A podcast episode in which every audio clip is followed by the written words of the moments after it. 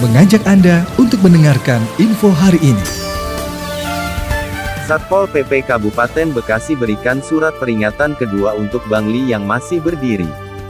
Cibitung, Satuan Polisi Pamong Praja, Satpol PP Kabupaten Bekasi kembali menindaklanjuti prosedur yang berlaku dalam agenda penertiban bangunan liar dan parkir-parkir liar yang masih berdiri di Jalan Bosi Raya, Kecamatan Cibitung.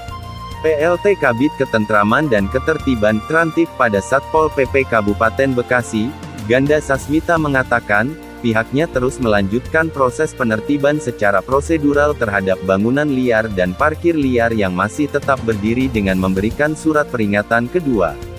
Iya, hari ini kita memberikan surat peringatan kedua terhadap para pemilik bangli dan parkir liar yang masih saja berdiri di sekitar Jalan Bosi Raya atau sekitar Pasar Induk Cibitung, ucap Ganda, Selasa tanggal 22 Maret tahun 2022.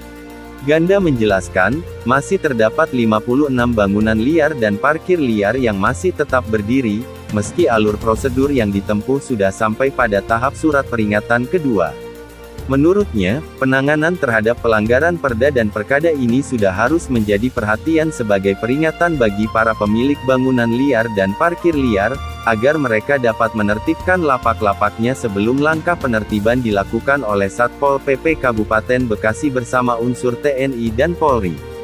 Artinya sejak surat teguran pertama hingga surat peringatan kedua, Secara soft mereka memiliki waktu yang cukup lama 35 hari untuk dapat menertibkan bangunannya. Setelah ini, mereka masih memiliki waktu sebelum surat peringatan ketiga terbit, katanya.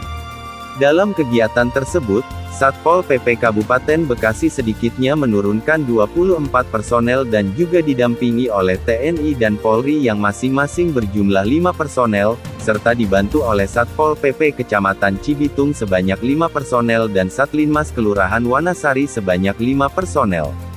Ganda juga menyampaikan, kegiatan pemberian surat peringatan kedua pun dapat berjalan dengan lancar dan kondusif.